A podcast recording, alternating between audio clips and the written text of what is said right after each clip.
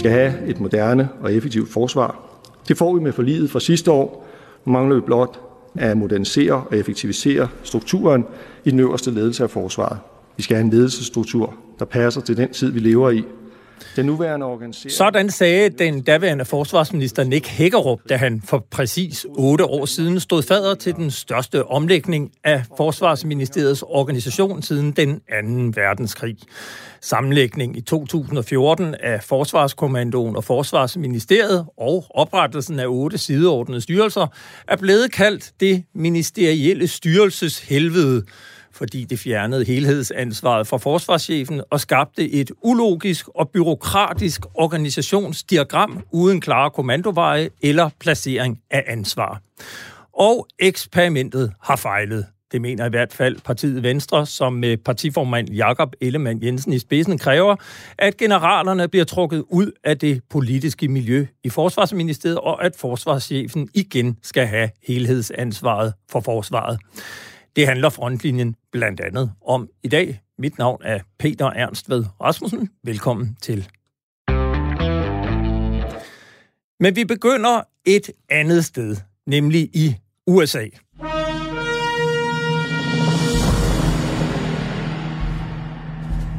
I onsdags var jeg selv til stede, da forsvaret officielt modtog det første danske F F-35 Joint Strike Fighter kampfly ved en ceremoni hos producenten Lockheed Martin i Fort Worth i Texas. Samme dag publicerede Altinget et debatindlæg skrevet af Dansk Metal og den danske forsvarsindustrielle virksomhed Therma. Budskabet var, at den over 20 år lange udvikling af F-35 kampflyet har boostet den danske forsvarsindustri med både mange milliarder i omsætning og dertil hørende produktionsarbejdspladser. De forsvarsindustrielle konsekvenser er jo en lidt anden vinkel på F-35, end den vi normalt hører om skredende tidsplaner, overskredende budgetter, stigende priser, fejl, mangler og ikke mindst støjgener. Men den er en debat værd, og derfor vil jeg indlede, indlede med at byde velkommen til dig, Kåre Christiansen. Du er direktør i Odense Maritime Technology, bedre kendt som OMT, der stod bag byggeriet af først de danske støtteskibe og siden fregatter, som nu alle fem er at betegne som fregatter.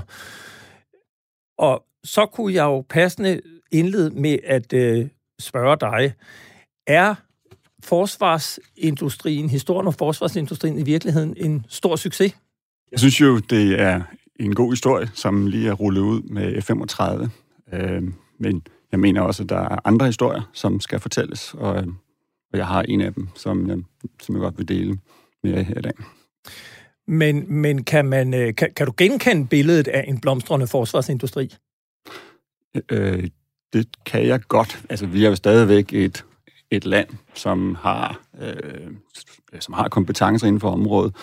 Øh, vi, øh, vi sætter dem i spil på en ny måde lige i øjeblikket, men vi er stadigvæk et, øh, en, Øh, vi har en lille forsvarsindustri sammenlignet med nogle af de lande, som vi sammenligner os med. Yes. Øh, nu kan jeg så også byde velkommen til dig, Niels Flemming Hansen. Du er med på en telefon, og du er forsvarsordfører hos de øh, konservative. Kan du komme i tanke om en industri, der har oplevet den samme vækst, som man har oplevet i forsvarsindustrien her de seneste år? Og her kan jeg jo passende lige fortælle, at vi omsætter for 4 milliarder kroner om året, hvor 80 procent af eksport og for bare 10 år siden, der var det, øh, det var omsætningen kun det halve. Er der andre industrier, der oplever lignende vækstrater, Niels Flemming Hansen?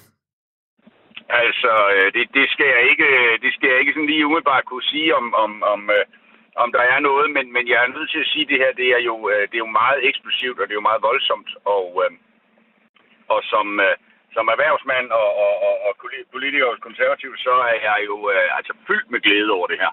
Jeg synes simpelthen, det er så fantastisk. Dels, at, at øh, vi har øh, virksomheder, som, som i den grad øh, profiterer og dermed skaffer skatteindtægter til landet, men, men jo også bare, at, at muligheden for at skaffe den her øh, iværksætteri inden for en branche, synes jeg er helt fantastisk.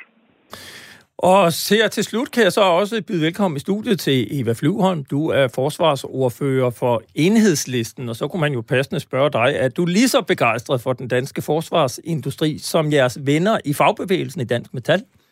Ah, det kommer måske ikke som et lammende chok, at, at nej, jeg er ikke lige så begejstret, men jeg synes, man er nødt til at se lidt nuanceret på det. I spørgsmålet om fregatterne for eksempel, og sådan noget, der har jo også været tale om en teknologi, som Danmark var rigtig dygtig til, og hvor man har kunne eksportere. Men mange af de penge, der ligger nu, det er jo politisk handling. Danmark har købt øh, kampfly for 56 milliarder, kommer det til at løbe sig op i for skatteborgerne. Ja, så kommer der lidt indtægter tilbage til Therma og nogle andre, men helt ærligt, det er ikke en god forretning for vores samfund overordnet set. Og jeg tror, de fleste industrier vil opleve, at det gik fremad, hvis man pumpede så mange milliarder ind i det fra statslig side, det må jeg sige. Så der tror jeg godt, vi kunne bruge de penge bedre. Det kommer vi til at snakke meget mere om, men inden vi går videre, så skal vi lige høre, hvad der ligger bag Thermas og Dansk Metals fælles debatindlæg i Altinget. Min kollega Jeppe Rets Husted har talt med Jørgen Henrik Levi Rasmussen, som er international direktør og senior vice president i Therma. Vil du prøve at forklare, hvad er det konkret, som Therma leverer til F-35-flyet? Det vi konkret øh, er involveret i, det er en, en øh, omkring over 80 forskellige parter, vi producerer til, øh, til flyet. En hel del i det, der hedder kompositmateriale, som er en del af flyets struktur. Så producerer vi også en del elektronik til, øh, til flyet. Det her med, at, at Danmark får overdraget det første F-35 fly, er jo endnu en milepæl i, øh, i øh, kampflyprojektet. Men hvornår startede det her projekt egentlig for Therma? Vi er tilbage i 1997, hvor øh, Therma på det tidspunkt, øh, det var før min tid i virksomheden, men på det tidspunkt havde møder både med øh, Boeing og med øh, Lockheed, som på det tidspunkt konkurrerede om at blive den hvad skal vi sige, leverandøren af, af det her fly. Så tilslutter Danmark sig øh, programmet, og, og så har vi faktisk i 2004 vores øh, første ordre på projektet. Og, og på mange måder har vi jo den der følelse af, at vi ved at Danmark er med i flyet, øh, og tilsluttet sig det, jamen, så har vi fået lov til at spille med i, i Champions League, men vi skal ud og vinde hver kamp, øh, vi skal ud og vinde de konkrete ordre, øh, og det har vi været i stand til. Mm. Så hvor stor en, en rolle har F-35-projektet øh, spillet i den udvikling, vi har set i den danske forsvarsindustri i, øh, i, de, i de senere år? Jamen, den er, øh, og du, du taler jo primært på, på Thermas vegne her, ikke? Men, men den er jo, øh, den er jo betydelig, øh, fordi du, øh, du investerer. Øh, Therma har investeret over 600 millioner i vores produktionsfaciliteter i både Lystrup og især i, i Greno, og, øh, og, og beskæftiger i dag øh, 700 medarbejdere på projektet, og vi omsætter for omkring øh, 900 millioner, øh, hvilket jo er om året, øh, hvilket jo er en, en meget betydelig del af en omsætning på omkring øh, godt, godt 2 milliarder. Så, så det er jo en, en, en game changer af, af den anden verden øh, for en virksomhed som vores og nu siger du, at 700 medarbejdere er involveret, 900 millioner kroner i, i årlig omsætning på, øh, på opgaver, som relaterer sig til F-35-projektet. De to tal, er, er det blivende tal, øh, hvis du kigger 10 øh, år frem fra nu eksempelvis? Du, du arbejder med nogle kontrakter, der var 1, 2, 3 år frem i tid. Øh, og øh, det kræver altså, at vi kan blive ved med at følge med i og komme ned i pris. Øh, det har vi vist til nu, at det kan vi. Og det har vi bestemt også for alle forventninger om, at vi kan blive ved i de kommende år. Øh, så man kan sige, hvis vi lever op til at, at stadigvæk være kvalificeret til at være i Champions League, jamen så er det et niveau, øh, der ligger på det her niveau, eller, eller lidt højere om året, også i de kommende år. Øh, også om, om, om 10 år. Og det tror jeg, at du, øh, du lige må forklare, øh, Jørgen Henrik, altså fordi tidligere forsvarsindustrielle projekter øh, i Danmark har jo også givet arbejdspladser på, på, på dansk jord. Men mange af dem er så også forsvundet, når i det her tilfælde kunne det eksempelvis være, når flyene først er leveret.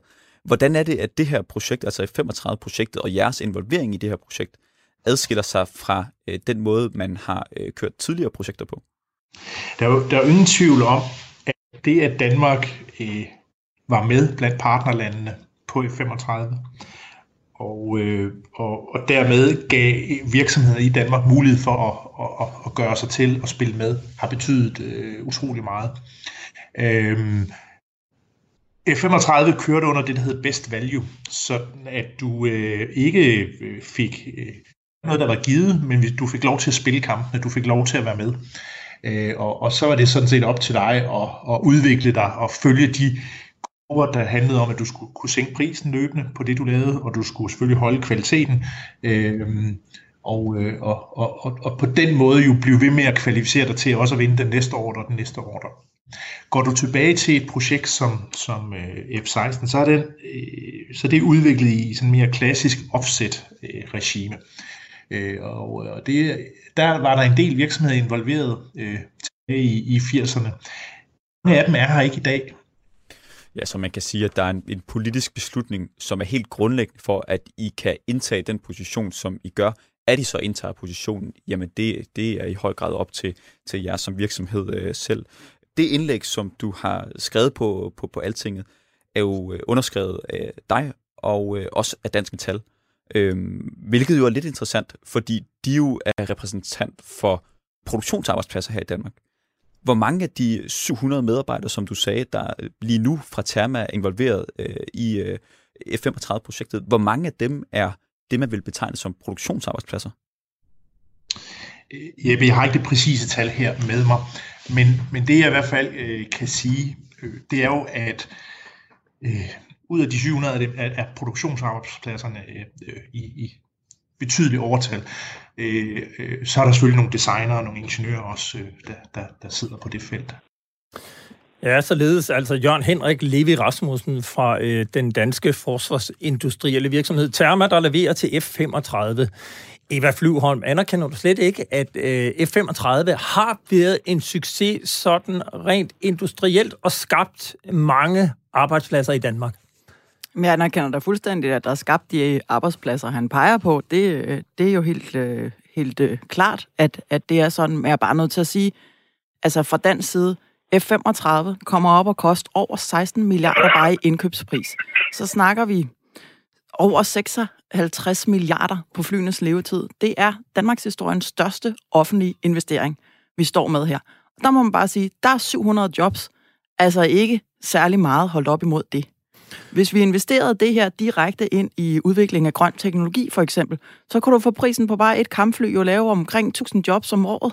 Altså, du kunne få øh, i omegnen af 4 millioner besøg fra hjemmeplejen for prisen på bare et kampfly. Altså, det synes jeg bare, at man er nødt til at holde op, at du kunne skabe jobs på måder, altså for den slags penge, så kunne du skabe langt flere jobs. Så derfor Men synes jeg bare ikke, det er et argument for om, kampflyene, det her. Om sikkerheden for Danmark, og det, at vi er nødt til at betale for at kunne beskytte os selv. Inden vi sådan fortsætter med det, så, så kunne jeg jo godt tænke mig lige at få dig på banen, øh, Kåre Christiansen, som er direktør i Odense Maritime Technology. I har jo modsat Therma øh, I opstået i asken af Lindøværftet, der lukkede, og I har så tegningerne til de fregatter og støtteskibe, Danmark producerede. Hvordan har I formået at skabe en vækst i jeres virksomhed, uden at have produktionsarbejdspladser? Hvad er det, I kan? Jamen, øh, vi tog en, en beslutning ret tidligt, da vi startede OMT i 2010, da Lindøværftet lukkede, at vi ville prøve at at satse på at øh, arbejde videre på de danske fregatter. Vi investerede i at udvikle version 2.0 og begyndte at kigge os om efter lande, som kunne være interesseret i at arbejde sammen med os. Ikke med henblik på at bygge dem i Danmark, men, øh, med henblik på at, øh, at producere i de øh, køberlande, som, øh, som var derude. Øh, så vi brugte, vi brugte øh, ni år på det, og det lykkedes ikke lige til at starte med, men undervejs skabte vi øh, et, nogle andre arbejdspladser, for vi kom ind i nogle andre øh, forsvarsrelaterede projekter. Så øh, inden vi havde solgt den første frigat-designløsning, havde vi eksporteret vidensarbejde for en milliard kroner. Øh, som egentlig ikke var Og, og hvem er det, I øh, sælger øh, fregat-design til i dag? Jamen, vi sælger til, til, land, til, til NATO-partnere, eller til lande, som NATO gerne vil have et, øh, et tæt forhold til. Det er dem, vi, øh, dem vi primært fokuserer på. Det er lande, som, øh, som, som er interesseret i, i, de er også interesseret i at skabe de lokale arbejdspladser, så vi prøver ikke at sælge dem et skib, der er bygget i Danmark, fordi det er der simpelthen ikke politisk øh, stemning for så mange steder, men, men vi prøver at sige, at vi kommer med et design, og vi kommer med dansk teknologi, og dermed også danske produktionsarbejdspladser med det teknologi, som vi tager med, og så hjælper vi dem altså med at samle øh, lokalt.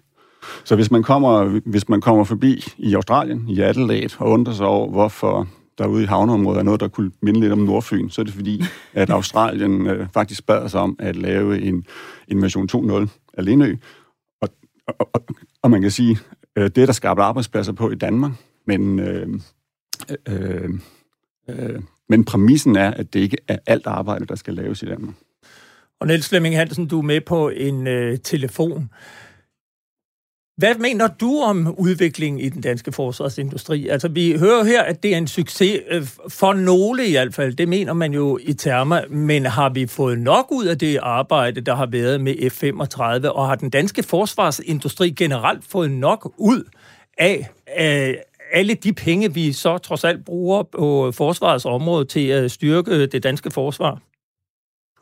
Altså, jeg synes jo, det er, det er ualmindeligt vigtigt at kigge kigge ind i en, en, en læringskurve på det her også, og sige, okay, hvordan, hvordan kan vi så kigge lidt øh, fremad? Hvad er det næste step?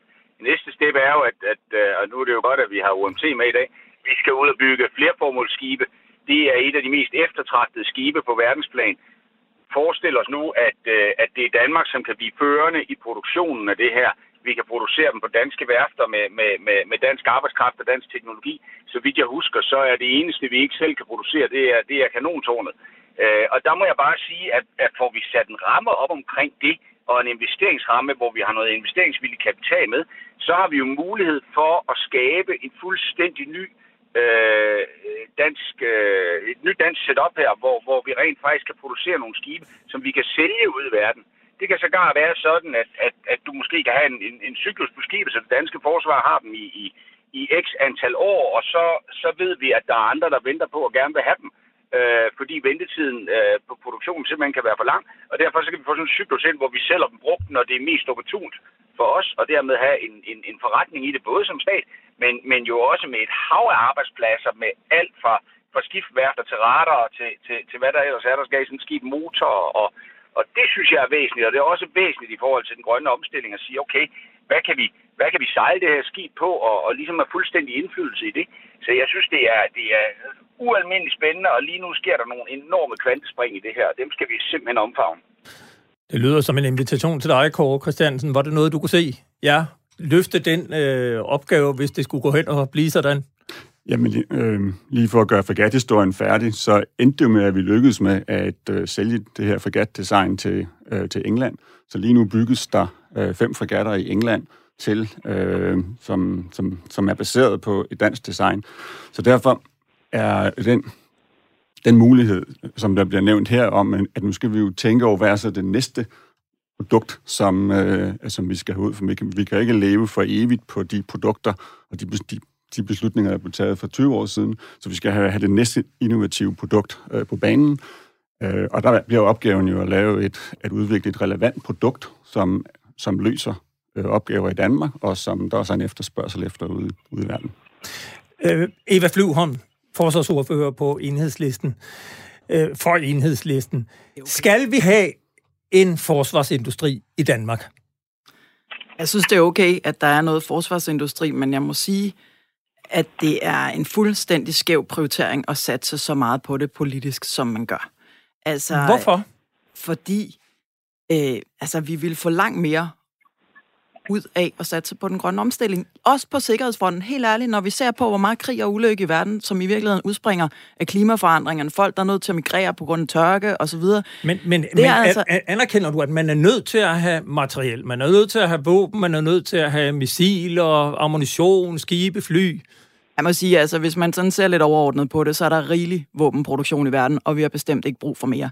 Men når det så er sagt, så synes jeg, at man kan skelne mellem forskellige ting. Altså ja, vi har da brug for nogle nogle skibe, der kan sejle også i de arktiske områder, for eksempel, og sådan noget. Det er da væsentligt. Jeg synes ikke, vi har brug for et F-35-kampfly, det må jeg sige. Men hvis, hvis vi nu hopper ud over F-35, ja. altså der er jo også en stor, øh, et stort flertal i Folketinget, der mener, at vi skal bruge nogle penge på det her. Er det ikke bedre, at vi lægger nogle penge i Danmark, så det styrker danske arbejdspladser, end at vi køber al isenkrammet i USA, England, Frankrig jeg synes generelt, det er rigtig godt med produktion i Danmark. Og der tror jeg også bare, man er nødt til politisk øh, lige at klappe skyklapperne op, havde jeg nær sagt. Fordi når du snakker om for eksempel Lindøværftet, ikke? Altså en af grundene til, at det måtte lukke ned i sin tid, det var jo, at Mærsk fik over 2 milliarder i EU-eksportstøtte til at begynde at producere skibe ude i Østen. Det er jo fuldstændig vanvittigt, at man politisk ikke går ind og sætter en prop i sådan noget. Så vi kan gøre rigtig meget politisk for at sikre, at vi får en ordentlig produktion i Danmark, både af ting til den grønne omstilling, og også hvad vi har brug for af skibe eller tog eller andet infrastruktur. Det synes jeg er rigtig fornuftigt og godt, hvis vi gør. Men det kræver altså, at man politisk også er klar til øh, at gå lidt mere til bid der, end jeg har oplevet konservativ for eksempel var det. Men det vil så også sige, at du kunne godt se, at man skulle bygge søværnets fremtidige skibe i Danmark. Ja, selvfølgelig. Det giver da sindssygt god mening. Og nu her, øh, som noget af det seneste, så har vi snakket om, at vi skal have også øh, et nyt forskningsskib også øh, til Arktis. Det er en af de ting, vi lige har siddet også og forhandlet om. Det vil jeg så med også gerne have produceret i Danmark, hvis vi kan. Både for at give arbejdspladser, men også fordi vi har nogle muligheder for nogle helt andre arbejdsforhold. Altså, det er simpelthen uholdbart, at der står øh, mennesker, tvangsarbejdere i, i Sydkorea for eksempel, og, eller Nordkorea, og, og laver det her udstyr. Altså, det er også et spørgsmål om menneskerettigheder. Så jeg synes, det er rigtig godt, hvis vi kan få mere produktion i Danmark. Men man bare advare mod, at man øh, overdriver den øh, effekt, som, som lige præcis øh, våbenproduktion og den industri har i, i Danmark. For helt ærligt, i det store billede, så er det forsvindende lidt, og der er massiv politiske støttekroner til det. Det skal man ikke være blind for. Jeg nævnte før, at øh, forsvarsindustrien i Danmark, den omsætter for små 4 milliarder kroner om året, og 80 procent er til eksport. Hvor hvis vi ser på de lande, vi øh, lægger op af og samarbejder med, USA, Tyskland, Frankrig, Norge sågar, de har jo en meget stor forsvarsindustri, så når de investerer i deres egne forsvar, så går mange af pengene jo sådan set også til deres øh, egne virksomheder. Kåre Christiansen, øh, direktør i OMT. Hvad skal der til for, at man kan få øh, bedre forhold for forsvarsindustrien i Danmark til at udvikle og øh, sætte sig for større markedsandel? Altså det, vi oplever, øh, når vi øh, lægger og sælger ude i verden, det er, at øh, at sikkerhedspolitik og erhvervspolitik og udenrigspolitik øh, smelter sammen. Så øh, jeg prøver at give et eksempel med i, i England, der for at vinde den konkurrence derovre, skulle man, øh, skulle man komme med et produkt, som også kunne eksporteres. Øh, øh, så fra politisk side var der, var der et krav om, at, øh, at, at det skulle være et produkt, der løste øh, et behov, det skulle også kunne eksporteres, og det skulle kunne eksporteres til lande, som, øh, øh, som øh, som englænderne var interesseret i. Øh, så det der med, at det hele smelter sammen, det er ikke bare et spørgsmål om at, at, at lave noget, der er dansk, men også lave noget, der er relevant, og så få iscenesat de, de, øh, de ting i værktøjskassen, der skal til, for at den slags eksport kan fungere. Fordi Øhm, det handler også om øh, det handler også om at kunne stille de garantier. Øh, det handler om at kunne øh, stille eksportgarantier. Det, det handler om at at ambassader og andet er med til at løfte den opgave, der ligger i at bringe de her tre ting sammen. Og der synes jeg, at vi er, er godt på vej.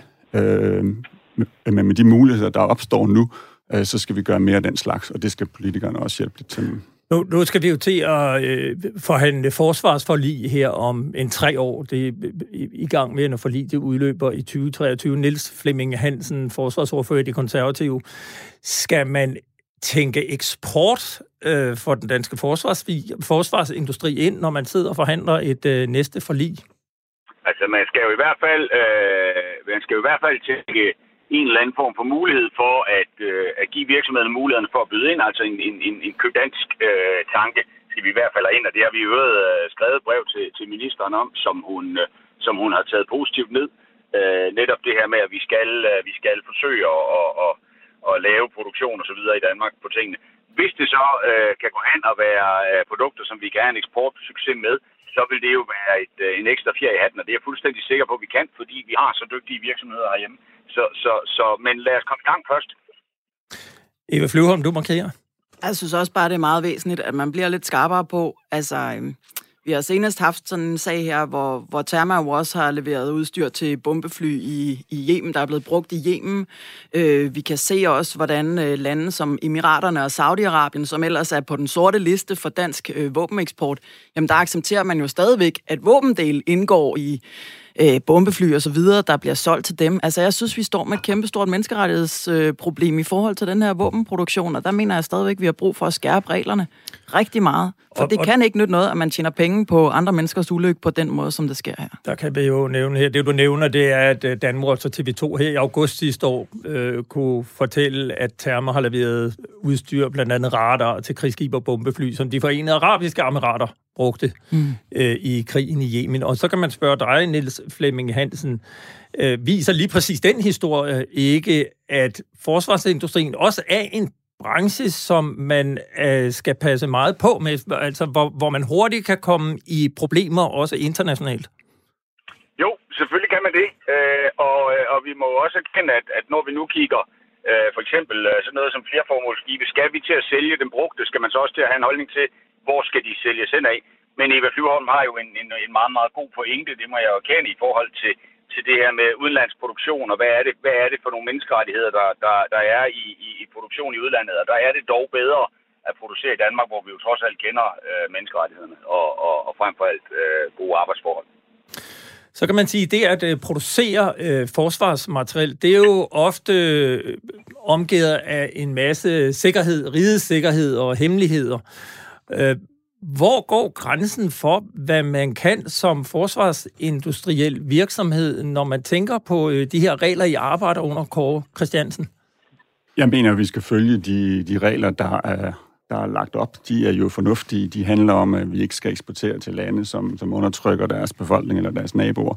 Så jeg synes ikke, at det kan grædbøjes. Vi skal, vi skal følge de regler, der er til punkt og prikke. Og vi kommer ikke til at øh, lave eksport til nogle lande, som... Øh, øh, øh, som ikke, øh, eller som danske politikere, eller som Danmark ikke ønsker, vi skal eksportere til. Ja, Så vi kommer til at spørge man, om lov hver eneste gang. Man kan vel spørge, hvor meget kan man kommercialisere hemmelige projekter? Ja, men det er der jo også, øh, det er der jo også spilregler for, hvad, hvad man må dele med, øh, med andre lande. Det er, jo også, det er jo også fuldt reguleret, og vi kommer jo heller ikke til at dele, dele oplysninger øh, med, med nogen, som, som vi ikke må dele det med. Nu vil jeg sige uh, tak til dig, Kåre Christiansen, direktør i Odense Maritime Technology, uh, fordi du var med her. Også tak til dig, Niels Flemming Hansen, forsvarsordfører for de konservative. Og så lader vi Eva Flyvholm blive her i, uh, i studiet.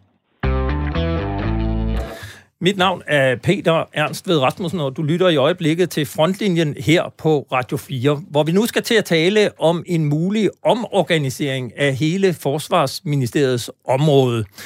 I sidste uge proklamerede Venstre i Berlingske, at partiet ønsker at ændre radikalt på den måde, som Forsvarsministeriet er organiseret på. Ønsket blev lanceret af partiformand Jakob Ellemann Jensen, og det fik dermed en helt anden vægt. Det hører her med til historien, at Jakob Ellemann Jensen er reserveofficer og har en fortid som udsendt i Bosnien, og ikke mindst også før det som sergeant i den kongelige livgarde, sammen med blandt andre mig selv. Han skrev, eller han sagde til Berlingske, og nu øh, læser jeg et citat, vi ønsker at give forsvarschefen en stærkere rolle og helhedsansvaret for forsvaret. Vi ønsker, at der igen skal være armslængde til politikerne og forsvarsministeren og sikre, at forsvarschefen i højere grad bliver reel forsvarschef. Citat slut. Forslaget fik hurtig opbakning fra hele den blå side af Folketinget, det vil sige konservative, Dansk Folkeparti, Liberal Alliance og Nye Borgerlige. Og hvad Venstre egentlig vil, skal vi debattere lige om lidt. Men vi skal først lidt tilbage i tiden. Efter en række skandaler og løbende budgetoverskridelser besluttede politikerne i 2013 at få en større politisk kontrol med forsvaret. Det resulterede i det, som man vist godt kan kalde en besynderlig koncernkonstruktion, også kaldet Pentagon-modellen, hvor Forsvarskommandoen fysisk flyttede sammen med Forsvarsministeriets departement, og hvor de såkaldte funktionelle tjenester under forsvarschefen blev skilt ud som selvstændige styrelser direkte under Forsvarsministeriets departement. Her opstod Forsvarsministeriets personalestyrelse, Forsvarsministeriets materiel- og indkøbsstyrelse, Forsvarsministeriets ejendomsstyrelse og Forsvarsministeriets regnskabsstyrelse. Og de refererer ligesom forsvarschefen, alle til den civile departementschef, som reelt set blev den nye forsvarschef. Forsvarschefens område blev afgrænset til alene at have ansvaret for at opstille og uddanne de operative styrker i den styrelse, der i dag hedder Forsvaret. Kampen om skillelinjen mellem politik og militær faglighed er ikke ny. Det ved Lars Bankert Struve, som er generalsekretær i Atlantsammenslutningen. Han skrev i år 2000 sammen med den daværende forsvarschef, general Jørgen Lyng, bogen Ved forenede kræfter om forsvarschefs embedets udvikling fra 1950 til år 2000. Jeg har talt med Lars Bankert Struve. Essensen af bogen var en forklaring af, hvordan og hvorfor man havde indført en forsvarschef, og hvordan af general Løn øh, på baggrund af hans erfaringer som forsvarschef mente, at det embede burde være indrettet. Og øh, for det første så indfører man det i 50 som en, øh, en, en erkendelse af, hvad man havde lært under 1. og 2. verdenskrig. At man havde brug for en chef for, for de samlede militære styrker, det vil altså ligegyldigt, om det var i Danmark eller i udlandet. Og at man i forbindelse med indtrædelsen i NATO også havde behov for denne her samvirkning af de danske øh, militære stridskræfter. Det var ligesom den ene pointe. Og, og den anden pointe var, at man havde brug for én stemme over for politikerne.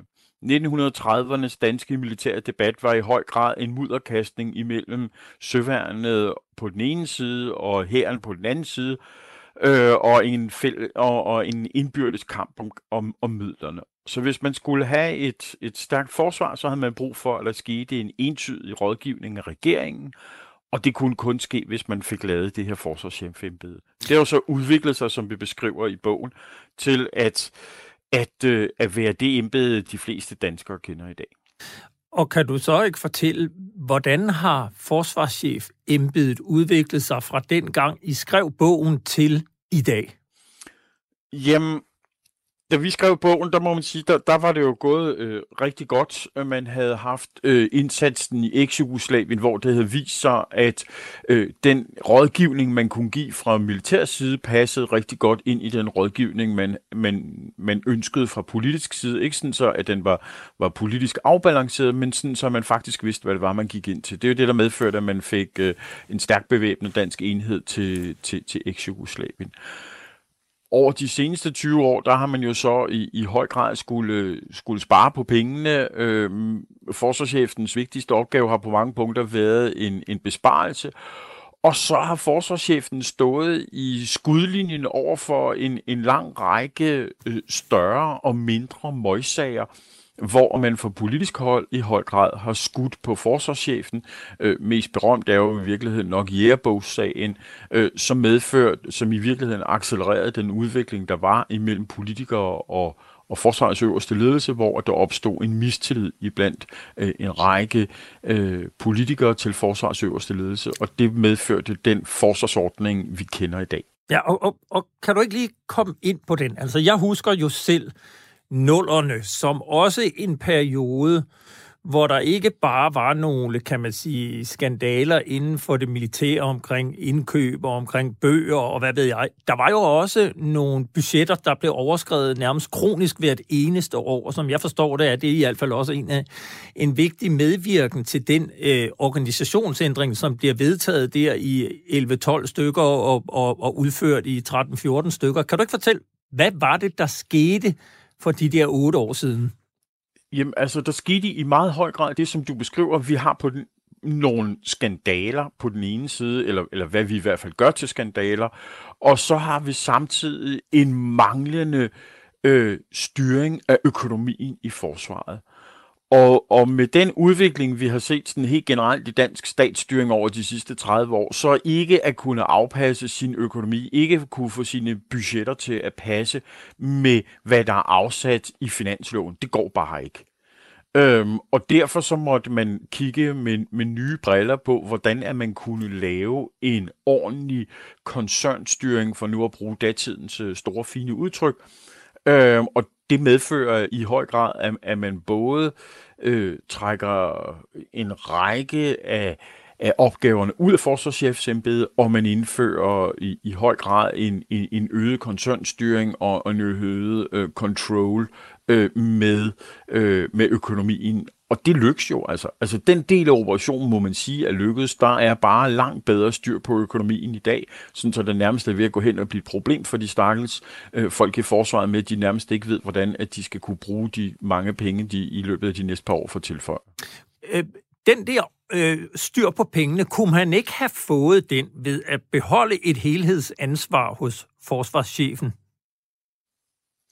Det kunne man nok godt, og, og hvis vi skruer tiden tilbage til 2010 til 2013, så var der jo en lang række diskussioner og undersøgelser af, hvordan er forsvarets øverste ledelse skulle organiseres, og hvordan er forsvaret generelt skulle organiseres. Og der opstod nok en forelskelse i en såkaldt Pentagon-model, der var nogen, der ønskede en total integration, om jeg så må sige, af forsvarsministerium og forsvar i, i, i en samlet enhed, og andre havde nogle holdninger til, at man skulle lave en tillæmpet model, og så står vi nok i dag og skal kigge lidt på, den model, man fik lavet, var den god nok? Jeg tror, at hvis jeg var forsvarsminister, så ville jeg i dag sige, at jeg vil rigtig gerne bibeholde, at der er styr på koncernen øh, økonomisk set, og så må vi kigge på, hvor mange øh, af, af de her styrelser, der kan lægges tilbage ind under forsvarschefen, sådan så at vedkommende øh, kan opsætte det forsvar, vedkommende vil blive bedt om. Venstre øh, kritik af den aktuelle organisering går blandt andet på, at den øverste ledelse af forsvaret er blevet politiseret. Jeg ved, du snakker også om, at, at det måske i virkeligheden ikke alene eller udelukkende af den øverste militære ledelse, men man er også længere ned i systemerne ser en politisk Kan du ikke prøve at forklare, hvad er det, du oplever? Jo, altså, nu har jeg jo en, en både siddet i Forsvarskommandoen, jeg har siddet i Forsvarsministeriet, så har jeg også været forsker på, på Institut for Statskundskab. Og vi har jo generelt i de sidste 20 år vil nok diskutere, hvor meget embedsmandsstanden bliver politiseret, eller rettere sagt, hvor meget embedsmandsstanden tror, at den skal politisere. Og derved mener jeg, at, at hvis vi kigger på Forsvaret og Forsvarsministeriet, at, at embedsmænd og herunder officerer tror, at de skal tænke politisk, og tror, at de skal lægge nogle ting op, som ministeren bliver glad for.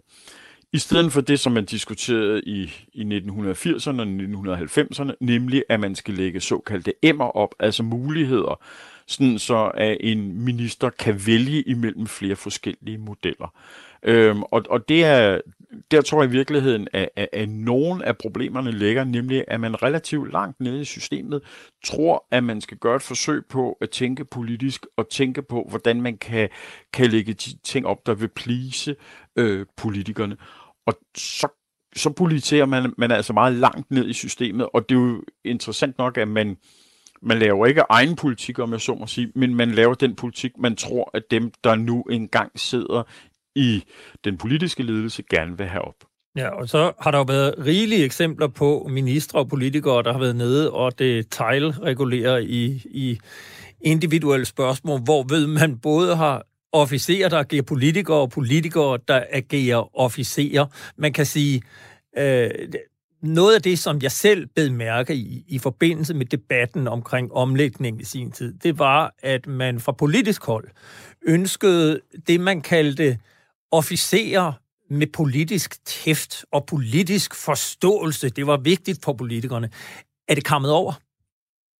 Ja, fordi øh, det, det, man jo så smukt taler om med demokratisk kontrol, risikerer jo så at forsvinde her. Fordi det bliver svært for både politikere, officerer og ikke mindst øh, offentligheden at se, hvornår øh, starter det politiske, og hvornår slutter det militære og vice versa. Og selvfølgelig er det politikerne, der skal bestemme. Vi bor i et demokrati. Det er ikke forsvaret, der skal bestemme på nogen som helst måde. Men det skal være klart, hvornår at vi har et oplæg, som er det militære, som politikerne så vælger imellem. I dag vil det være noget sværere at gennemskue, hvornår at, at hvem har gjort hvad. Tak, Lars. Jamen, så tak. Ja, så kan jeg byde velkommen til uh, Lars Christian Lillehold. Du er forsvarsordfører i Venstre, og du var jo med i den her artikel sammen med din partiformand, hvor I, i Berlingske her i sidste uge øh, ytrede ønsket om at øh, få omorganiseret Forsvarsministeriets område og give helhedsansvaret tilbage til forsvarschefen. Kan du ikke for de sagesløse lyttere forklare, hvorfor kommer I med det forslag nu? Det gør vi, fordi vi har en oplevelse af, at øh, forsvarschefen, hele området er blevet øh, voldsomt politiseret, at vi oplever en regering, øh, som har et stort behov for at, at detaljregulere. Øh, og derfor har vi øh, fremsat et ønske om at tilbagerulle den reform, som øh, Nick Hagerup gennemførte i 2013, da han var minister for området, hvor man jo øh, fjernede øh, en stor del af det ansvar, som forsvarschefen har, og fra forsvarschefen lagde det direkte ind under ministeriet. Øh, det var blandt andet i forhold til personalledelse, det var i forhold til, til overordnet økonomi, ressourceallokering, og der er det vores opfattelse, at det har gjort, at, at forsvarschefen har meget, meget svært ved at, at have det samlede ansvar for, for forsvaret, ligesom det også er svært at adskille, hvad der er de politiske ønsker, som vi lige har været ind på, hvad der er politik, hvad der er regeringens forsvarspolitik, og hvad det er for prioriteringer, og der er øh, i forhold til de militærfaglige øh, anbefalinger.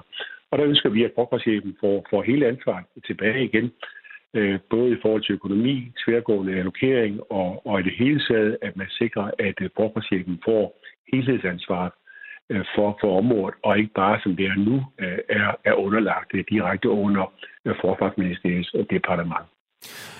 Når I så kommer med det forslag, du siger, rulle det tilbage, skal vi så kopiere den model, vi havde før 2013, Nej. eller, eller skal der justeres, eller hvordan ser I det? Det kan sagtens være, der skal justeres. Men altså udgangspunktet det er, at, at forsvarschefen skal have uh, helhedsansvaret. Det kan sagtens være, som vi lige var inde på i det foregående interview, at øh, der kan være ting omkring økonomien, hvor der har været udfordringer uh, historisk set, uh, uh, hvor, hvor vi man er nødt til at sikre sig, at der er en, en ordentlig styring af det. Det er vi parat til at, at kigge nærmere på. Men omvendt skal det også være sådan, at en forsvarschef har mulighed for at og prioritere mellem de enkelte områder, kan flytte penge fra, fra et område til et område, andet område, når, når behovet øh, opstår.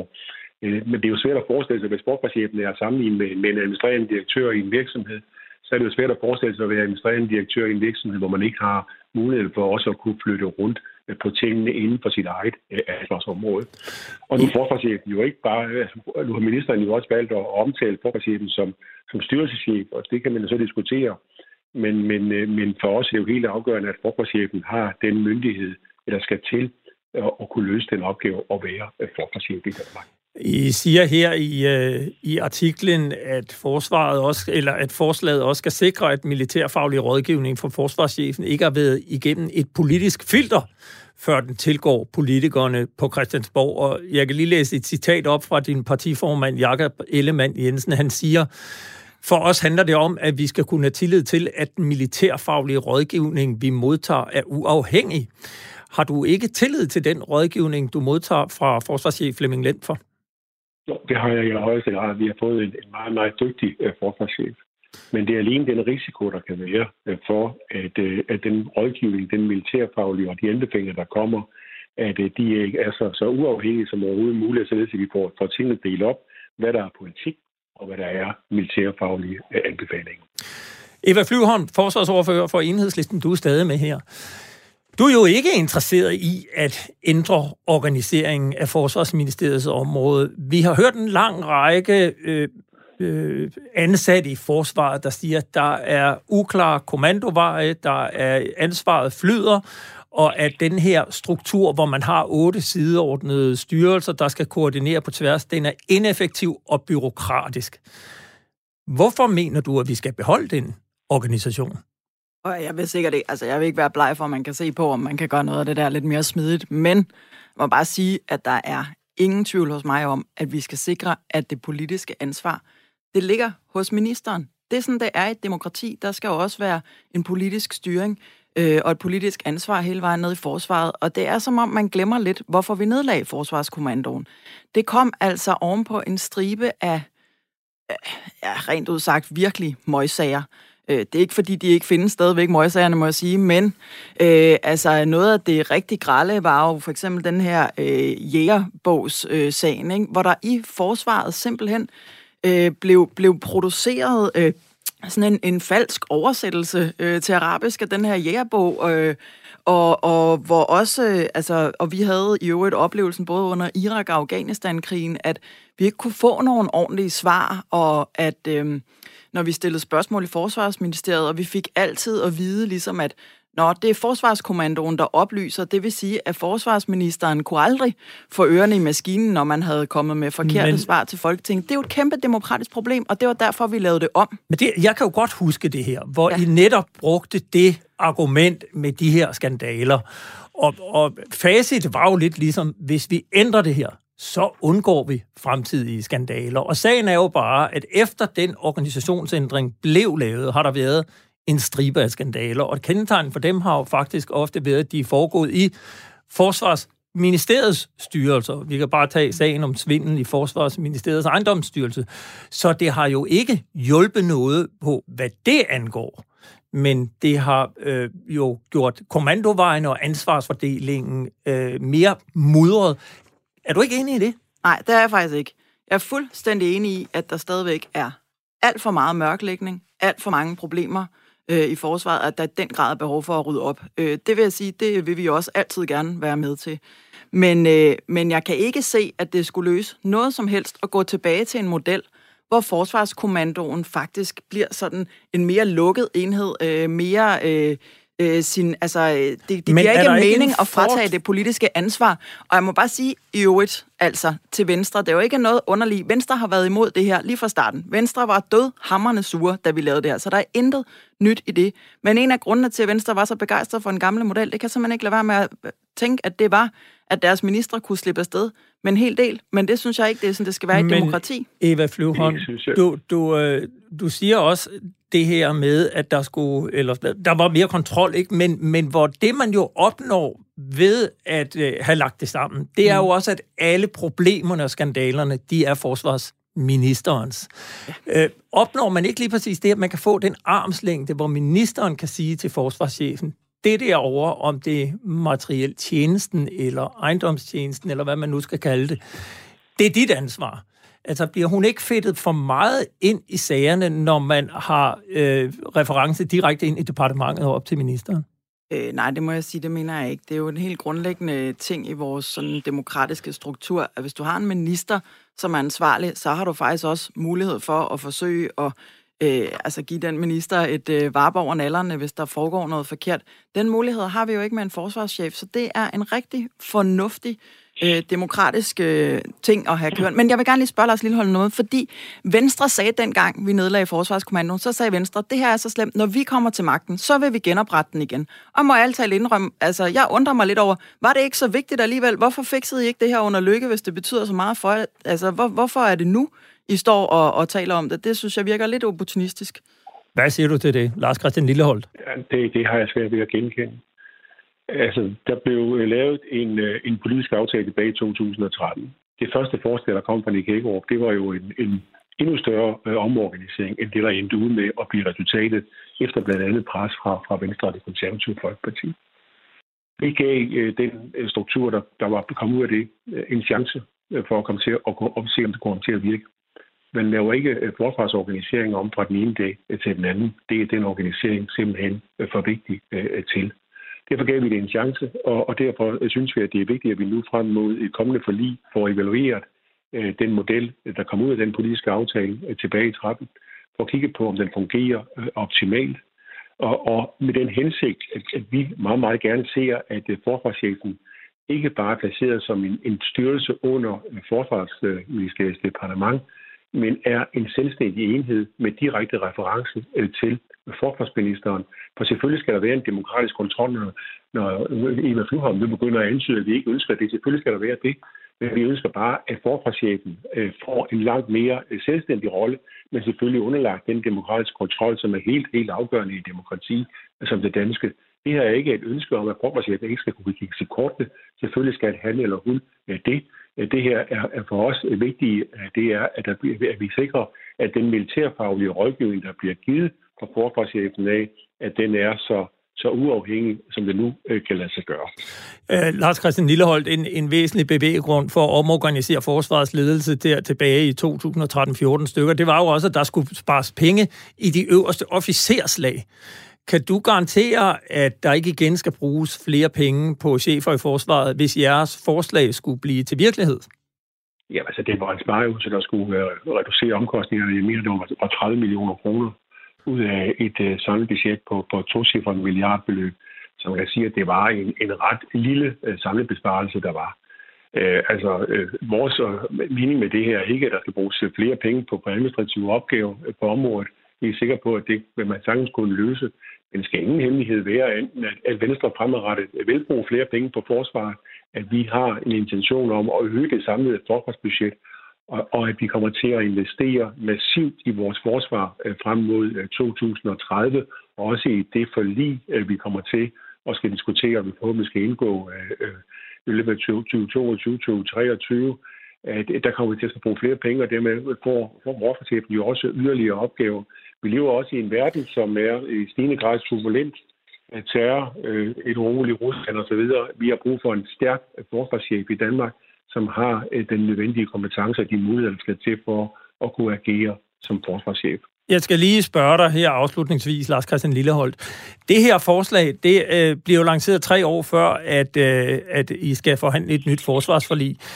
Ønsker du det her gennemført inden, eller er det et krav ligefrem, I stiller til øh, det kommende forsvarsforlig? Det her det er et, et klart ønske fra Venstre. Altså det med at stille ultimative krav, inden man går ind og forhandler et forsvarsforlig, hvor der jo også er mange andre elementer, som også er, er ekstremt ekstrem vigtige. Øh, ikke mindst at, at sikre, at, at vi kommer til at, at bruge flere, flere penge på forsvar, vi får indkøbt mere materiel, at vi får for i det hele taget øget øh, dansk forsvar for at opstille den brigade og så videre, som vi har, vi har lovet hinanden. Øh, så det her, det kommer til at indgå i de samlede, de samlede ønsker, der er, og, og jeg er sådan lidt forpasselig med at stille ultimative krav. Men det vil være et klart ønske fra vores side af, og det glæder mig jo også at se, at der i brede vi, dele af vi skal lige nå at have, øh, vi skal lige vi skal lige nå at have Eva Flyvholm med. Du har en kommentar. Jamen, jeg synes bare, at man er nødt til at holde sig for øje, at hvis vi skal have ændret øh, på, på den her række af møgsager, vi har set øh, i forsvaret. Og det tror jeg, vi alle sammen synes, at vi har brug for så er noget af det allervigtigste, det er faktisk at sikre, at der både er en mere åbenhed og indsigt i, hvad der foregår, og også, at der er en bedre ytringsfrihed, også for de medarbejdere, der arbejder i forsvaret. Vi har set gang på gang, hvordan folk de er blevet troet, hvis de, altså, øh, ja, hvordan folk er blevet troet, hvis de ikke er kommet, øh, altså, hvis de har fortalt om, hvad der er foregået, når der har været noget galt, og de risikerer deres karriere. Altså, jeg tror, det her med virkelig at sikre ytringsfriheden, så folk tør komme frem og fortælle om, hvad der foregår, også sikre gode whistleblower-ordninger osv., det er noget af det, vi kan gøre øh, for at ændre på de problemer her. Jeg tror, det vil være meget mere gavnligt at kigge den vej, for for mig at se, der gør Venstres forslag ligesom bare det, at du sætter flere højt betalte øh, chefer til øh, at styre igen, og, og du faktisk mindsker den politiske kontrol, og det er ikke vejen at gå i mine øjne. Du siger, at øh, den nuværende organisering, den har gjort det lettere for dig som parlamentariker at holde ministeren ansvarlig for, hvad der sker på forsvarsområdet. Så kunne man jo spørge, kan du nævne et konkret eksempel på en sag, hvor du ikke mener, at I kunne have holdt ministeren ansvarlig, hvis organiseringen havde været, som den er i dag? Jeg må sige, det er stadigvæk ikke nemt vel at få de gode svar, men øh, jeg var lige tilbage og kigge i gemmerne, og noget af det, som for eksempel nu snakkede vi om øh, F-35 kampflyet tidligere, ikke? Øh, der var en sag, hvor, hvor jeg havde spurgt til det her med støjgener, og man har sagt, at ah, der er ikke nogen problemer, så viste det sig senere, at der var sådan en, øh, en, en rapport, som havde ligget og gemt sig i ministeriet øh, ganske lang tid, Øh, og det er jo dybt, dybt kritisabelt, at man har tilbageholdt oplysningerne på den måde. I det mindste kan man sige, øh, så, øh, så fik vi i det mindste det ud af det, at, at ministeren ligesom måtte sige, det beklager jeg faktisk. Øh, det har ikke været i orden, at, øh, at det her ikke kom frem. Det ændrer jo ikke på, at det var noget værre råd alligevel. Men, øh, men man måtte ligesom komme med en undskyldning, og der var ikke nogen tvivl om, at det var ministerens ansvar. Og jeg tror lige præcis det her med at sige, der skal ikke være nogen tvivl om, at det er ministerens ansvar, når noget er galt. Det er rigtig vigtigt for, at vi kan ændre politisk på det. Og det er bare det, jeg gerne vil holde fast i. Det er ikke, fordi jeg ikke synes, man kan se på, om der er noget byråkrati, der kan gøres bedre. Og som sagt, jeg tror virkelig, der er noget, der er meget vigtigt omkring ytringsfriheden og, og åbenheden om også, hvad der foregår. Men, øh, men, men jeg kan altså ikke se, at det at lave en meget mere lukket øh, struktur igen omkring en kommando, som, som, har, øh, som ikke har den, den samme grad af, af politisk øh, kontrol, som man ellers også har på langt de fleste andre områder, at det skal hjælpe noget. Så Lars det håber jeg ikke kommer til at ske. Jeg kunne lige tænke mig at spørge dig, kan, kan, du, kan du følge nogle af Eva Flyvholds pointer om, at den demokratiske kontrol med forsvaret vil blive svækket, hvis man ændrer modellen til det, I ønsker? Nej, altså jeg synes det er tværtimod, at I har fået et, et, en meget, meget mere klar øh, ansvarsfordeling. Det er jo ikke meningen, at det ikke er ministeren, der skal stå i spidsen for dansk forsvar. Det er det. Det er stadig ministeren, der har det, det politiske ansvar. Men, men forsvarschefen vil få et, et større øh, manøvrerum, end, end, end vedkommende har øh, for nuværende. Og der skal fortsat, i det omfang det overhovedet er muligt, skal der være åbenhed og, og alt det, som, som Eva Flyvholm øh, taler om her. Men samtidig er det også sådan, at forsvaret er jo en, en helt særlig institution, blandt andet i forhold til, til efterretningstjenesten, hvor selvfølgelig klart er oplysninger, øh, som ikke er offentligt tilgængelige, og som man er nødt til at hensyn til, til landets sikkerhed. Vi er også i en situation, hvor vi, hvor vi deltager i internationale operationer, hvor vi sender øh, unge øh, danske soldater i krig. Øh, der er det jo helt afgørende for os, at der skal selvfølgelig også være den nødvendige lukkethed, øh, og, og det således, at det foregår så forsvarligt som overhovedet muligt, ikke mindst af hensyn til soldaternes øh, sikkerhed. Jeg siger tak til jer begge to, Eva Flyvholm, forsvarsordfører i Enhedslisten, og til dig, Lars Christian Lilleholdt, forsvarsordfører for Venstre. Du har lyttet til Frontlinjen. Programmet blev lavet i samarbejde med journalist Jeppe Rets Husted. Har du ris, ros eller gode idéer til emner, som vi bør tage op, så kan du kontakte os på frontlinjen snabelag radio4.dk. Husk også, at du kan lytte til alle tidligere programmer som podcast i din podcast-player eller ved at besøge radio4.dk-frontlinjen. Vi er tilbage på næste tirsdag kl. 11.05 på Glædeligt Genhør.